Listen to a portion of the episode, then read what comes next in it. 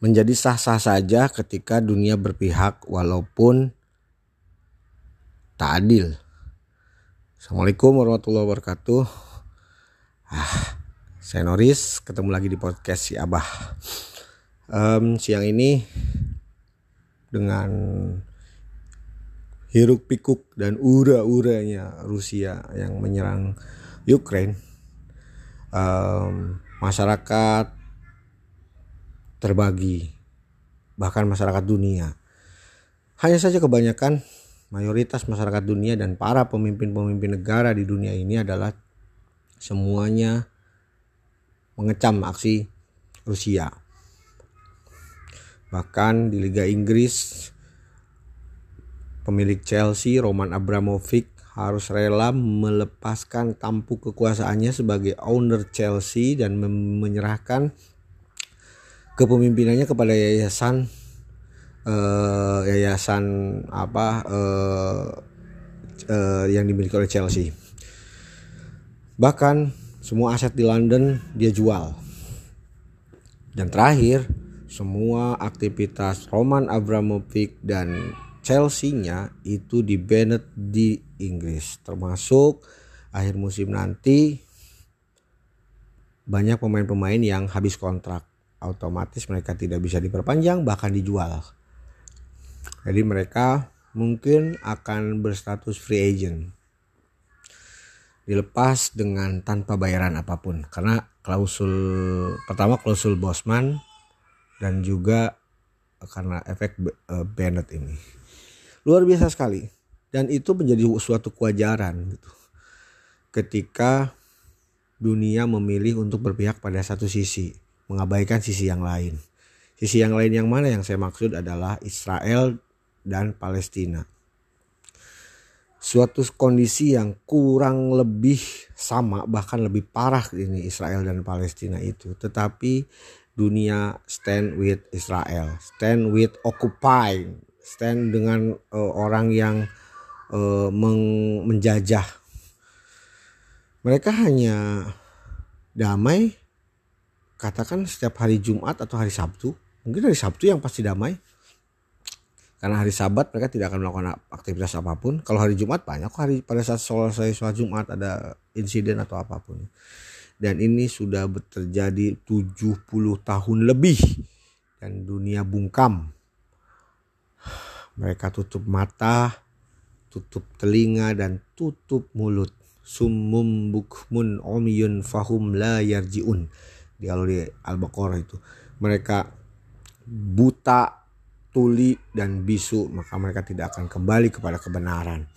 Itulah yang terjadi. Makanya menjadi sah-sah saja ketika pemerintah Indonesia bilang A kenyataannya B bilang yang terjadi adalah A tapi dia memihak kepada B minyak goreng langka parpol banyak punya minyak goreng untuk bakti sosial.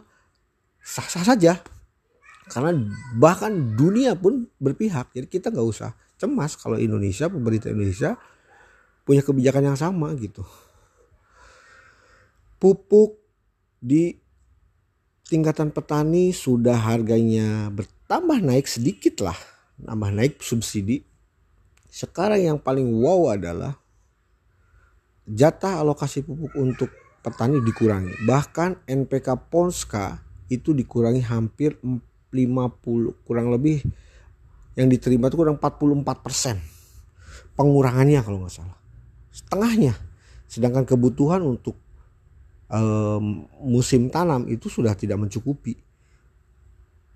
Urea dikurangin. Jadi menjadi suatu sah-sah saja ketika pemerintah itu membuat kebijakan seperti ini dan memaksa e, masyarakat atau petani untuk membeli pupuk non subsidi akhirnya yang dikuasai oleh oligarki, perusahaan-perusahaan besar, perusahaan-perusahaan yang menyokong pemerintahan itu sendiri. Jelas. Jadi year by years-nya itu jelas pemerintahan sudah ketebak. Tahun ini kita akan hilangkan uh, la, uh, minyak goreng menjadi langka. Karena cukong kita yang minyak goreng harus kembali modal. Tahun depan mungkin eh, BBM, ah, kalau BBM mungkin susah ya kalau BBM dikuasai oleh negara tidak oleh swasta mungkin ya bisa jadi soal pupuk nauzubillah min zalik misalkan soal kedelai mencuat lagi jagung mencuat lagi gitu. Gula lah gitu. Sekarang mulai seperti itu. Karena cukong kita yang punya core bisnisnya di, di di segmen itu sedang apa minta dibalikin modalnya. Sah lah objek penderitaan ya tetap masyarakat. Ya nggak boleh cengeng kita itu. Kita itu adalah masyarakat kuat. Ngedumel ya wajar lah ngedumel. Ya ibaratnya kalau misalkan dalam sebuah keluarga kita punya orang tua orang tua ber, berprinsip untuk uh, anaknya adalah ah, ah, ah, kita sebagai anaknya tidak bisa terima ya mau gimana lagi orang tua ya udah. Let's say ya gimana aja udah. Nggak boleh kayak gitu. Ya masyarakat ya udah toh buktinya banyak pengamat yang pintar dari kalangan akademisi para peneliti bilang segala macam soal ini tidak ada yang didengarin santai aja.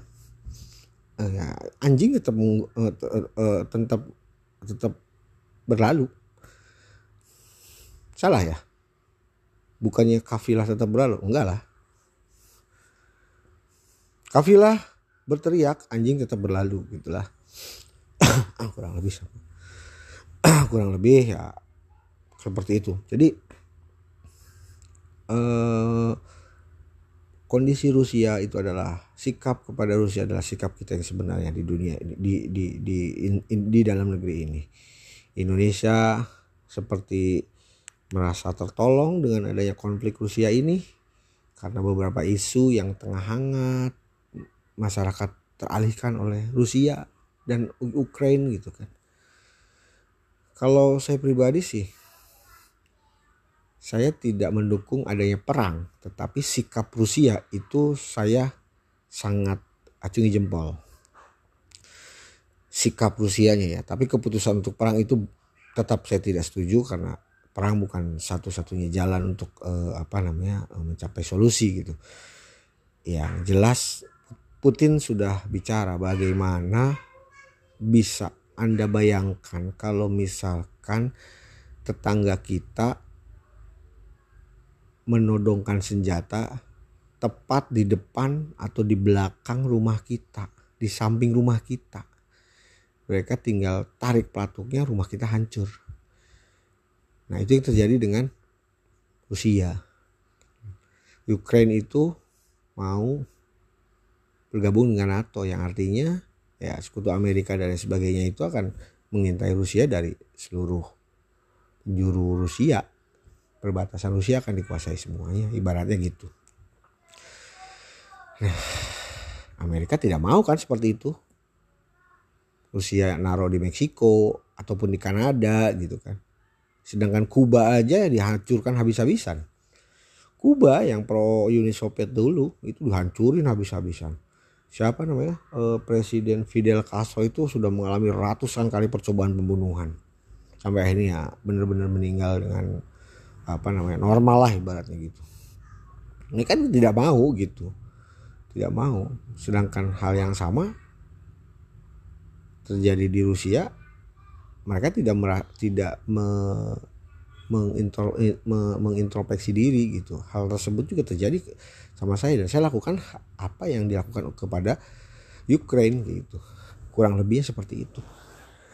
Tapi ya dunia dunia yang punya kuasa ibaratnya Amerika yang menjadi polisi dunia bilang A ya semuanya A.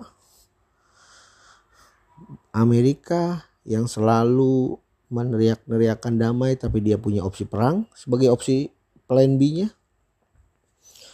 Amerika yang menyuruh perdamaian di seluruh dunia, tapi ketika perang dia yang paling siap. Amerika yang menyuruh untuk damai di dunia ini antar negara, tapi dia mempersenjatai lengkap, nuklir dan lain sebagainya, bahkan memperjualbelikan. ya gitu aja lah.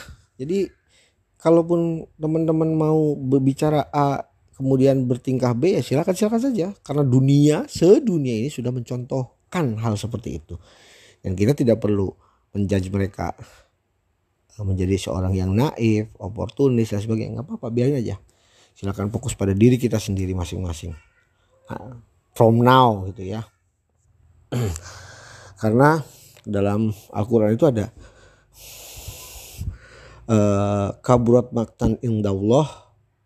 Apa ya? Saya lupa selanjutnya. Pokoknya kemurkaan besar di sisi Allah ketika kamu mengatakan apa yang tidak sebenarnya kamu lakukan.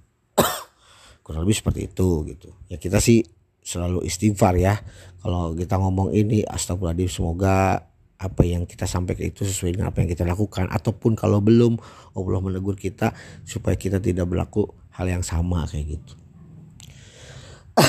jujur Amerika memang bukan contoh untuk di bukan sosok atau kalau misalkan manusia bukan sosok untuk dicontoh gitu.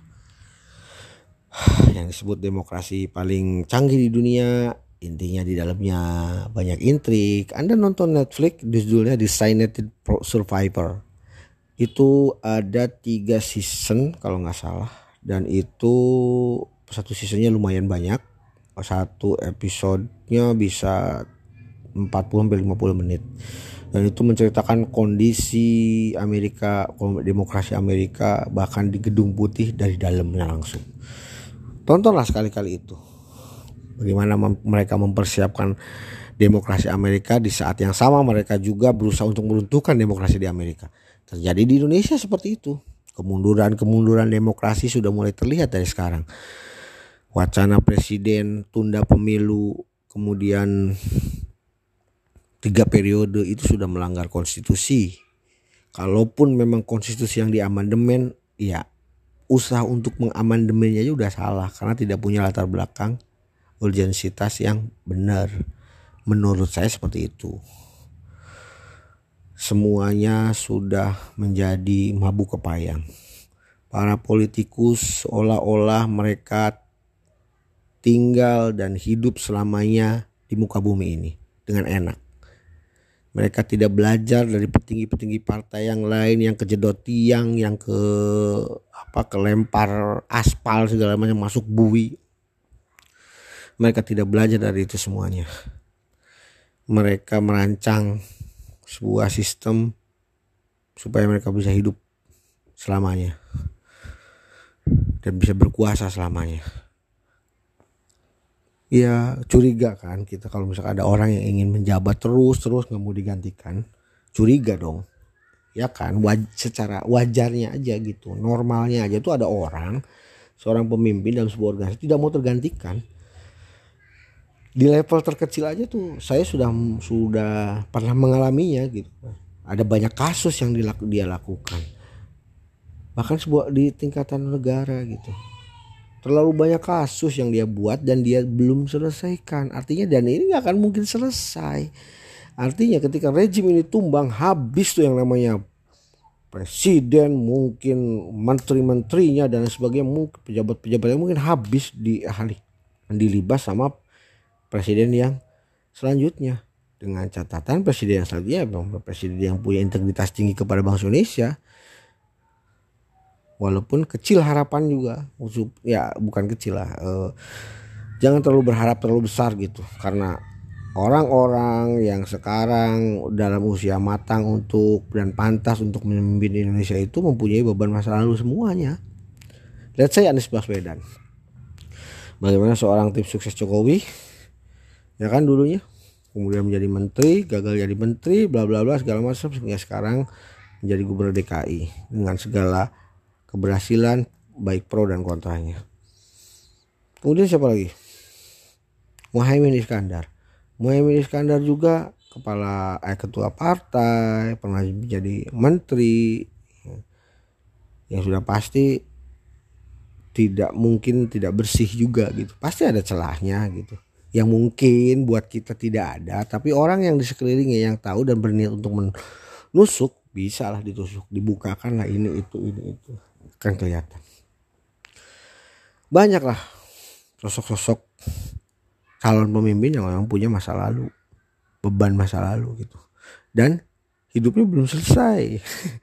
Masih butuh masih punya anak untuk dibesarkan masih punya harapan untuk uh, keluarganya hidup mapan dan sebagainya. Kalau hidupnya sudah selesai ibaratnya saya hanya menikmati hidup saja katakan saya meninggal saat ini juga keluarga aman anak istri aman gitu ibaratnya. Itu orang-orang yang seperti itu yang harusnya menjadi pemimpin. Di samping kecakapan kecakapan lainnya. Orang yang hidupnya sudah selesai. Yang tidak memikirkan duniawi semata. Yang tidak memikirkan uang seribu ketika yang dia punya itu udah dua ribu. Let's say seribu seratus gitu. Ngapain saya ambil seribu? Ngapain saya dikasih satu triliun? Kalau saya punya dua triliun seperti itu. Karena dengan ngapain saya butuh satu triliun? Atau gini ngapain saya butuh dikasih satu triliun sedangkan kebutuhan saya cuma satu juta? Buat apa kan gitu. Dan itu lebih lebih cukup gitu kan yang saya punya itu. Seperti itu. Mari kita berdoa mungkin ke depannya dunia itu lebih berpihak kepada keadilan. Indonesia juga bagaimana sekarang saya sih pengen jadinya nih Rusia untuk suruh eh, menyerang Palestina ayo dah Rusia serang Palestina aja deh ya kan? serang Palestina ntar colek dikit-dikit Israel gitu saya pengen tahu aja saya tantang saya tantang dunia akan berpihak ke mana gitu kalau misalkan Rusia menyerang Palestina Gak perlu alasan kalau mau menyerang tuh gitu. Ibaratnya kalau saya jadi Putin, saya kesel nih. Saya ingin nyerang Ukraina demi demi uh, stabilitas keamanan negara saya disalahkan. Ya udahlah, saya akan serang Palestina dengan catatan ini memberi efek kira kepada Israel walaupun jauh di negeri sana. Saya serang aja udah. Taruh aja bom satu, ceder pesawat ibaratnya. Negara apa dunia akan seperti apa? Apakah menduk apakah kemudian memaki Rusia, memaki saya katakan sebagai orang Rusia misalkan katakan itu atau mendukung Palestina. Kalau mendukung Palestina ya udah silakan. Nggak apa-apa. Itu ya emang goal saya adalah supaya dunia mendukung Palestina gitu. Seperti itu. Ya setelah dukung Palestina ya udah cabut nggak ada perang. Udah cuma naruh bom aja satu dor minta maaf udah selesai. Bahwa hal itu it can happen. Anytime gitu kan. Siapa pun bisa melakukan hal seperti itu. Hanya saja respon itu penting. Dunia ini respon dunia itu sangat mengecewakan Oke, thank you teman-teman. Stay safe ya. Di masa ini Indonesia sudah melandai. Bahkan katanya pandeminya akan dicabut menjadi endemi. Mudah-mudahan tetap seperti itu. Anak-anak sekolah dengan normal, kita e, ibadah puasa dengan khusyuk dan normal, ketemu lebaran dan sebagainya. Sehat-sehat semua. Sebentar lagi juga oh ya, ya sebentar lagi puasa. Semoga kita diberi kesehatan dan panjang umur sehingga bisa menikmati indahnya puasa. Terima kasih. Assalamualaikum warahmatullahi wabarakatuh.